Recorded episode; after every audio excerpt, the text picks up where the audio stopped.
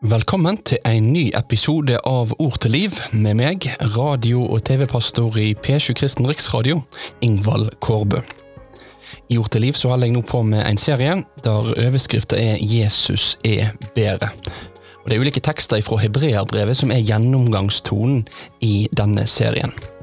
Nå I dagens episode så skal vi se hvordan vi nå kommer til en tekst som fokuserer på at Jesus er bedre eller større enn Moses.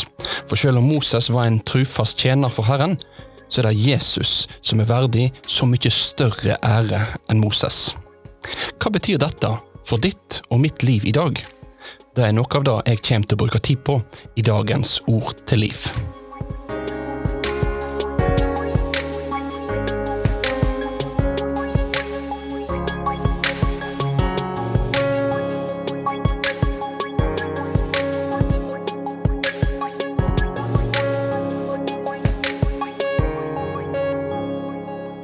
I denne Ord til liv-episoden så skal vi bruke tid på et bibelavsnitt henta fra Hebreabrevet kapittel 3. Forfatteren av brevet han er nå akkurat ferdig med å beskrive for oss hvordan Gud ville føre sine barn til herlighet. Og Det ville han gjøre ved at opphavsmannen til frelsa, Guds sønn, ble et menneskebarn, for gjennom dette å kunne bære menneskeslekta si straff og gå i døden for oss.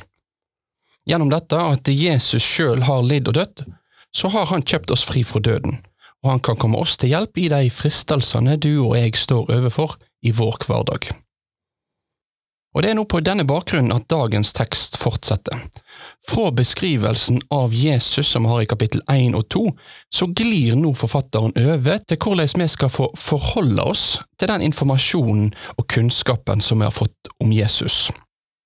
Hør nå hva som står skrevet i Hebreabrevet kapittel 3 og vers 1 til 6. Derfor, heilage søsken, det som har fått del i det himmelske kallet. Sjå på Jesus, den utsendingen og øverstepresten som vi vedkjennest. Han var trufast mot den som innsette han, liksom Moses var trufast i heile Guds hus. Men Jesus vart verdig til å få større ære enn Moses liksom en byggmester får større heder enn huset han bygger. Et hus må alltid være bygd av noen, men den som har bygd alt, det er Gud. Moses var trufast som tjener i hele Guds hus, han skulle vitne om det som en gang skulle forkynnes, men som sønn er Kristus sett til å styre huset hans. Og vi er hans hus så sant vi holder fast på frimodet og den vona vi er stolte av.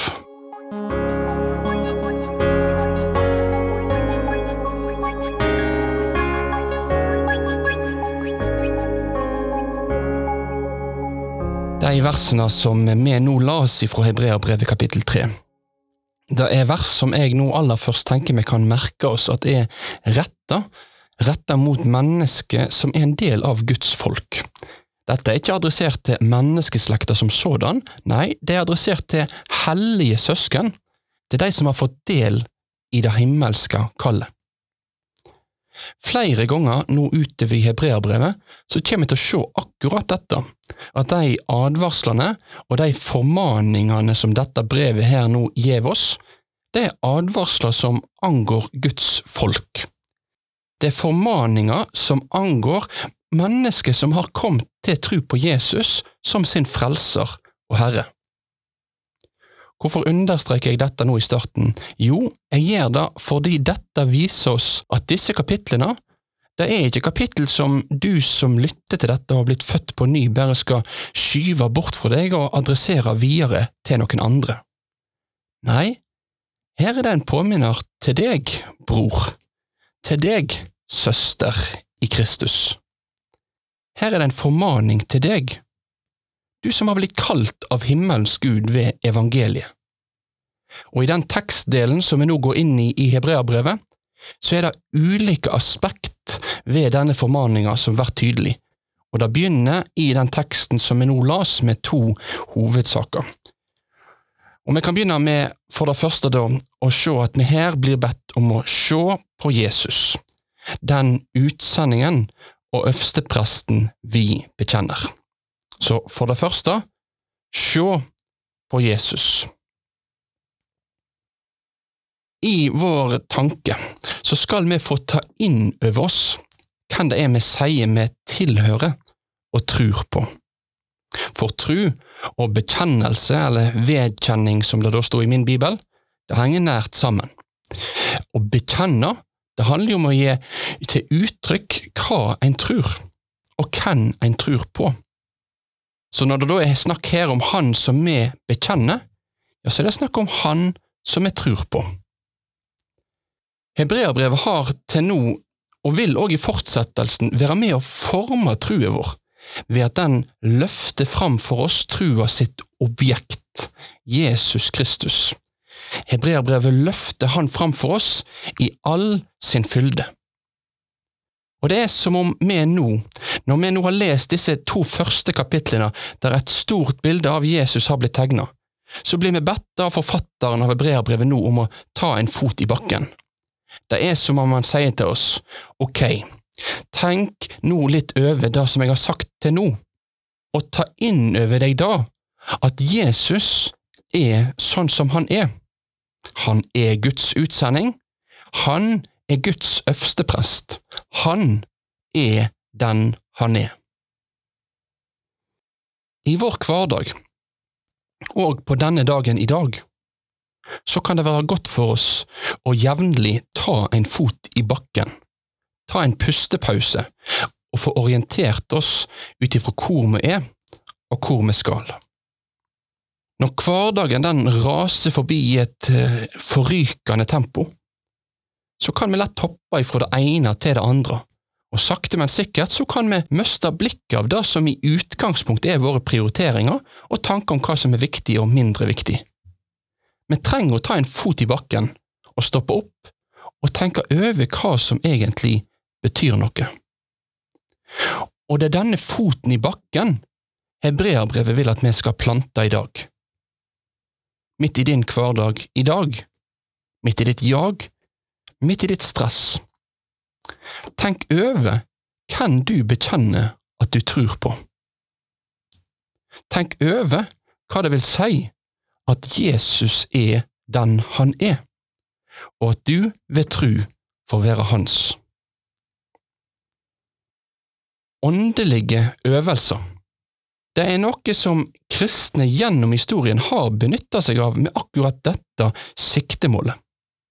Disse åndelige øvelsene kan ha ulike uttrykksformer, og de er ikke et bibelsk påbud i seg sjøl, men de kan ofte ha en nyttig verdi. En sånn åndelig øvelse som kristne gjennom historien har brukt, det er å korse seg. Det å korse seg det kan for noen virke veldig fremmed, og kanskje litt eh, spesielt, men for mange kristne, både i historiens løp og i dag, så kan denne korsingen være en sånn fot i bakken, en stadig påminner i hverdagen om at jeg tilhører den korsfeste og oppstandende Jesus Kristus. En påminner, en fot i bakken i hverdagen, om at jeg er krossfest med Kristus, og at jeg ikke lenger lever sjøl, men at Kristus lever i meg. Kanskje da å tegne korsets tegn, eller da å framsi trosbekjennelsen, kan være en fot i bakken for deg, i din hverdag, ja, kanskje i dag. Uansett så blir vi i dagens tekst minnet om da vi skal få se på Jesus og hvem han er. Men etter denne innledningen så drar nå hebreerbrevet av gårde med ei tankerekke der Jesus nå blir stilt i sammenheng med Moses i Det gamle testamentet. Og det er dette som er det andre hovedpunktet som vi skal få merke oss ifra teksten i dagens Ord til liv-episode. Ved første øyekast så kan det kanskje virke litt merkelig. Hvorfor skulle Moses dukke opp akkurat nå i teksten? Men det er i denne sammenligningen mellom Jesus og Moses flere viktige moment som blir tydelige, om som gjev mening i sammenhengen. For det første så er dette med å berede grunnen for advarslene som kommer i siste del av kapittelet. Der får vi blant annet høre om hva konsekvensene var for de som ikke hørte på Guds ord som var tala gjennom Moses. Og om det var alvorlig å ikke høre Guds ord gjennom Moses, ja, hvor mye mer alvorlig er det ikke da å ikke høre Jesu ord? For det andre så kan det kanskje for noen av de som mottok dette brevet første gangen, ha vært en fristelse i å forlate tro på Jesus som Messias, og heller gå tilbake til den gode, gammeldagse jødedommen som de hadde vokst opp med, og som de tidligere hadde vært en tilhenger av. Men da å forlate Jesus for Moses, eller en hva som helst annen åndelig leder, det faller på sin egen urimelighet når vi ser på Jesus og tenker over hvem han faktisk er. For, som i sammenligninga som har vært med englene tidligere i brevet, så blir det veldig tydelig her òg at Jesus er større. Jesus er bedre. Jesus er verdt større ære enn Moses. Ja, Moses var trufast, sto det i denne teksten, og det er Jesus òg. Så dette handler ikke om at folk den gang da, eller vi i dag, skal forkaste Moses sine ord og tenke at nei, han, han er ingenting verdt. Vi skal høre hva som står skrevet både i Moseloven og i resten av Bibelen. Men det denne teksten derimot handler om, det er at vi må forstå den milevise forskjellen det er mellom Guds tjener Moses og Guds sønn Jesus Kristus. Forskjellen mellom Moses og Jesus er som forskjellen mellom et bygg og en byggmester. Den som står bak og som har virka byggverket, han fortjener jo mye større ære enn byggverket sjøl, for bygget er jo bare mørtel og planker og stein. Men han som står bak, det er jo han som har virka det. Og forskjellen mellom Moses og Jesus er denne. Moses, han var en trufast tjener i Guds hus men som sønn er Kristus satt til å styre Guds hus. Og det huset det er snakk om her, det er ikke en bygning. Nei, huset, det er oss som bekjenner trua på Jesus Kristus. Huset er det levende byggverket som Gud gjennom historien har bygd, bestående av levende steiner. Et hus der byggmesteren og byggherren er Jesus Kristus. Som steiner i Guds hus, så skal vi få være takknemlige for alle de tjenerne som Gud har reist opp, både gjennom historien og i dag. Tjenere som har blitt reist opp til å virke iblant oss med å vaske og rydde i Guds hus. Vi skal få være takknemlige for alle Herrens tjenere. Men hele bygget har blitt til ved og blir styrt av Jesus. Han er så uendelig mye større enn Moses, enn Paulus, enn Apollos, han er Jesus, og det er han vi skal få være stolte av og frimodige om at vi tilhører. Dette er den positive formaningen som Hebreabrevet kapittel tre vil begynne med, en formaning til deg og meg i dag òg.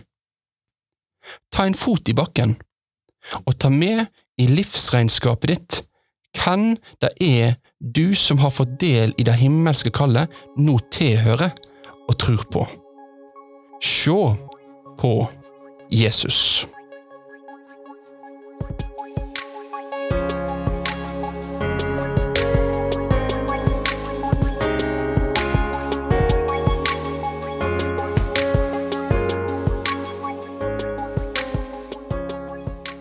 Da vil jeg si tusen takk for at du valgte å få med deg denne episoden av Ord til liv. En episode der Hebreerbrevet kapittel 3 ville minne oss om at vi skal få ta et skritt tilbake, ta en fot i bakken og se på Jesus, han vi tror på. Ord til liv er et av de mange programmene som blir produsert av P7 Kristen Riksradio. og Hvis du vil høre flere av våre programserier, så må du laste ned P7-appen. Da finner du God søndag med nye møter hver søndag. Du finner Vindu mot livet med Jon Haredang og Ola Bjoland, og du finner mange andre spennende program. Last ned P7-appen og få med deg mye godt innhold fra P7 Kristen Riksradio. Mitt navn er Ingvald Kårbø, og jeg ønsker deg Guds rike velsignelse over din dag.